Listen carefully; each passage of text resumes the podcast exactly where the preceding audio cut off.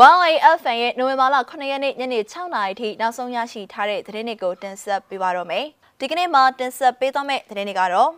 ပသိမ်မုံရွာလမ်းပေါ်စစ်ကောင်စီကနှစ်စီးမိုင်းခွဲခံခဲ့ရပြီး9ဦးသေဆုံး၍ဒဏ်ရာရရှိသူများဟုဒေသခံတွေပြောတဲ့သတင်း။လှိုင်သာယာမှာဓာတ်စီရောင်းနေတဲ့ဒလန်ဆိုသူပြစ်ခတ်ခံရတဲ့သတင်း။ဖားကန်းမြို့မှာ KIA PDF NUG ထောက်ခံပွဲနဲ့ကိုလာပြည့်တပိတ်စနထုတ်ဖော်တဲ့တဲ့ စင်ကူမျိုးကျေးရွာအုပ်ချုပ်ရွှေမှုနဲ့ USDB ထောက်ခံသူတို့ပြစ်ခတ်ခံရပြီးတအူးတေဆုံးတဲ့တဲ့အစရှိတဲ့သတင်းတွေကိုတင်ဆက်ပေးသွားမှာပါ။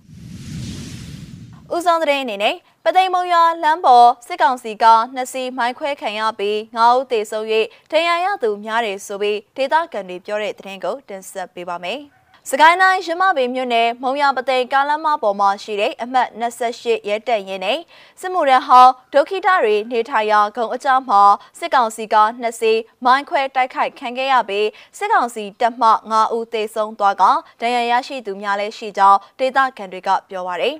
ဒီကနေ့နိုဝင်ဘာလ9ရက်နေ့မနက်8နာရီခန့်ကမိုင်းလေးလုံးပောက်ကွဲခဲ့ခြင်းဖြစ်ပြီးဖောက်ခွဲမှုကိုချင်းတွင်ဂလုံရစာပျောက်ကြားတပ်ဖွဲ့ကလှုပ်ဆောင်ခဲ့တယ်လို့ဒေသခံတွေကယူဆနေကြပါတယ်။မိုင်းတွေခွဲခံရတော့စစ်ခွေးတွေကဘေးနာရန်တန်းပစ်တာတိုးကြောင်နေတဲ့ကလေးတယောက်ကြည်စံမှန်ထားတယ်။နောက်ပြီးဆယ်နှစ်ကလေးနဲ့အတူလူ9ယောက်ကျော်ကိုလည်းဖမ်းထားတယ်။ဘေးနားမှာရှိတဲ့ရွာတွေကလူတွေတော့ပြေးနေရပြီဆိုပြီးတော့ဒေသခံတအုပ်ကပြောပါတယ်။ လက်ရှိမှာစစ်ကောင်စီတပ်ဖွဲ့ဝင်အင်အား80ကျော်ဟာအခင်းဖြစ်ပွားတဲ့နေရာတဝိုက်မှာမိုင်းတွေရှာဖွေခြင်းလူတွေကိုစစ်ဆေးခြင်းတွေပြုလုပ်နေပြီးပသိမ်မုံရွာလမ်းမကိုလည်းပိတ်ထားတယ်လို့ဒေသခံတွေကပြောပါတယ်ရှင်။လှိုင်းသားရမှာဓာတ်စီရောက်နေတဲ့ဒလန်ဆိုသူအမျိုးသားတအူတနက်နဲ့ပြစ်သက်ခံခဲ့ရကြောင်းဒေသခံတွေကပြောပါတယ်။ ရန်ကုန်တိုင်းလှိုင်သာယာမြို့နယ်အမှတ်3ရပ်ကွက်မင်းရဲကျော်စွာလမ်းမကြီးမှာနေတဲ့ဦးဝေဆိုသူမှာဒီကနေ့မနက်10:00နာရီခွဲကျော်ကနေရှိမှတက်စီရောင်းနေစဉ်အနီးကပ်ပြစ်ခတ်ခံခဲ့ရခြင်းပဲဖြစ်ပါတယ်။အရှင်ကလည်းသူ့အိမ်ဖုံးပစ်ခံရသေးတယ်။အဲ့ဒီတော့ကဘာမှမဖြစ်လိုက်ဘူး။အခုကအနီးကပ်သုံးချက်အပြစ်ခံရတာဆိုပြီးဒေသခံတအုပ်ကပြောပါတယ်။အဆိုပါပြစ်ခတ်ခံရသူဟာတမဝါရအဖွဲ့ဝင်တအုပ်လည်းဖြစ်ပြီးနေအိမ်မှာ73စီရောင်းတဲ့ဆိုင်ဖွက်လက်ထားသူလည်းဖြစ်ပါတယ်ရှင်။ ဆက်လက်ပြီးဖားကန်းမြို့မှာ KIA PDF NUG ထောက်ခံပွဲနဲ့ကိုလာပြည့်တပိတ်ဆန္ဒထုတ်ဖော်တဲ့တဲ့ကိုတင်ဆက်ပေးကြပါမယ်။ကချင်ပြည်နယ်ဖားကန်းမြို့မှာဒီကနေ့နိုဝင်ဘာလ9ရက်နေ့ကဆီယာနာရှင်စန့်ကြည်ရေးတပိတ်ကိုလာပြည့်ဆန္ဒထုတ်ဖော်ပွဲနဲ့ KIA PDF NUG ထောက်ခံပွဲပြုလုပ်ခဲ့ကြပါတယ်။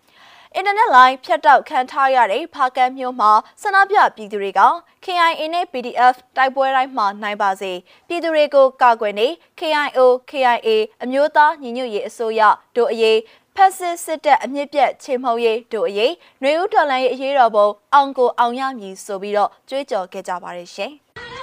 ပြည်သူတွေကိုကာကွယ်နေ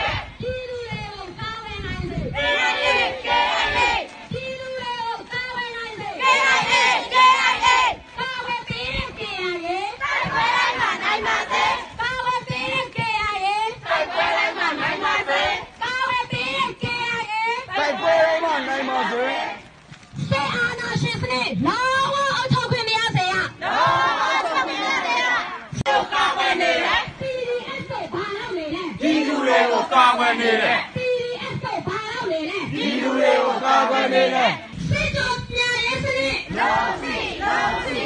စစ်ကြောပညာရေးစနစ်လုံးစီလုံးစီဒီတိုက်ပဲဘာတိုက်ပွဲဒီလူတိုက်ပွဲဘာတိုက်ပွဲဒီလူတိုက်ပွဲဘာတိုက်ပွဲဒီလူတိုက်ပွဲတိုက်ပွဲရှိအောင်ပွဲရှိတယ်တိုက်ပွဲရှိအောင်ပွဲရှိတယ်နိုင်မယ်ဆိုတာယုံကြည်တယ်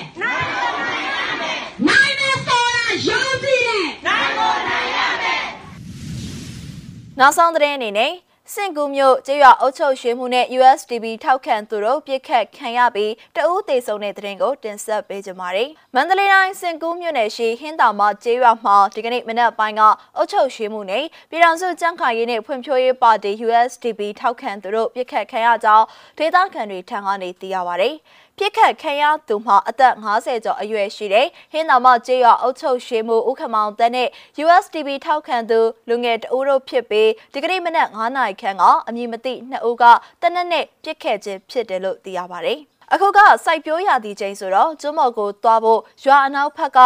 တောင်ခုံပေါ်မှာတင်ထားတဲ့လှေကိုရေရဲကိုဆွဲချနေချိန်မှာပြစ်ခံရတာအုတ်ကြီးကခေါင်းကိုတနက်မှန်ပြီးနေရာမှာပဲပွဲချင်းပြီးသေးတာသူနဲ့အဖော်လိုက်သွားတဲ့တယောက်ကလည်းလေပင်တနက်မှန်သွားတယ်ဆိုပြီးဒေတာကန်တူကပြောပါတယ်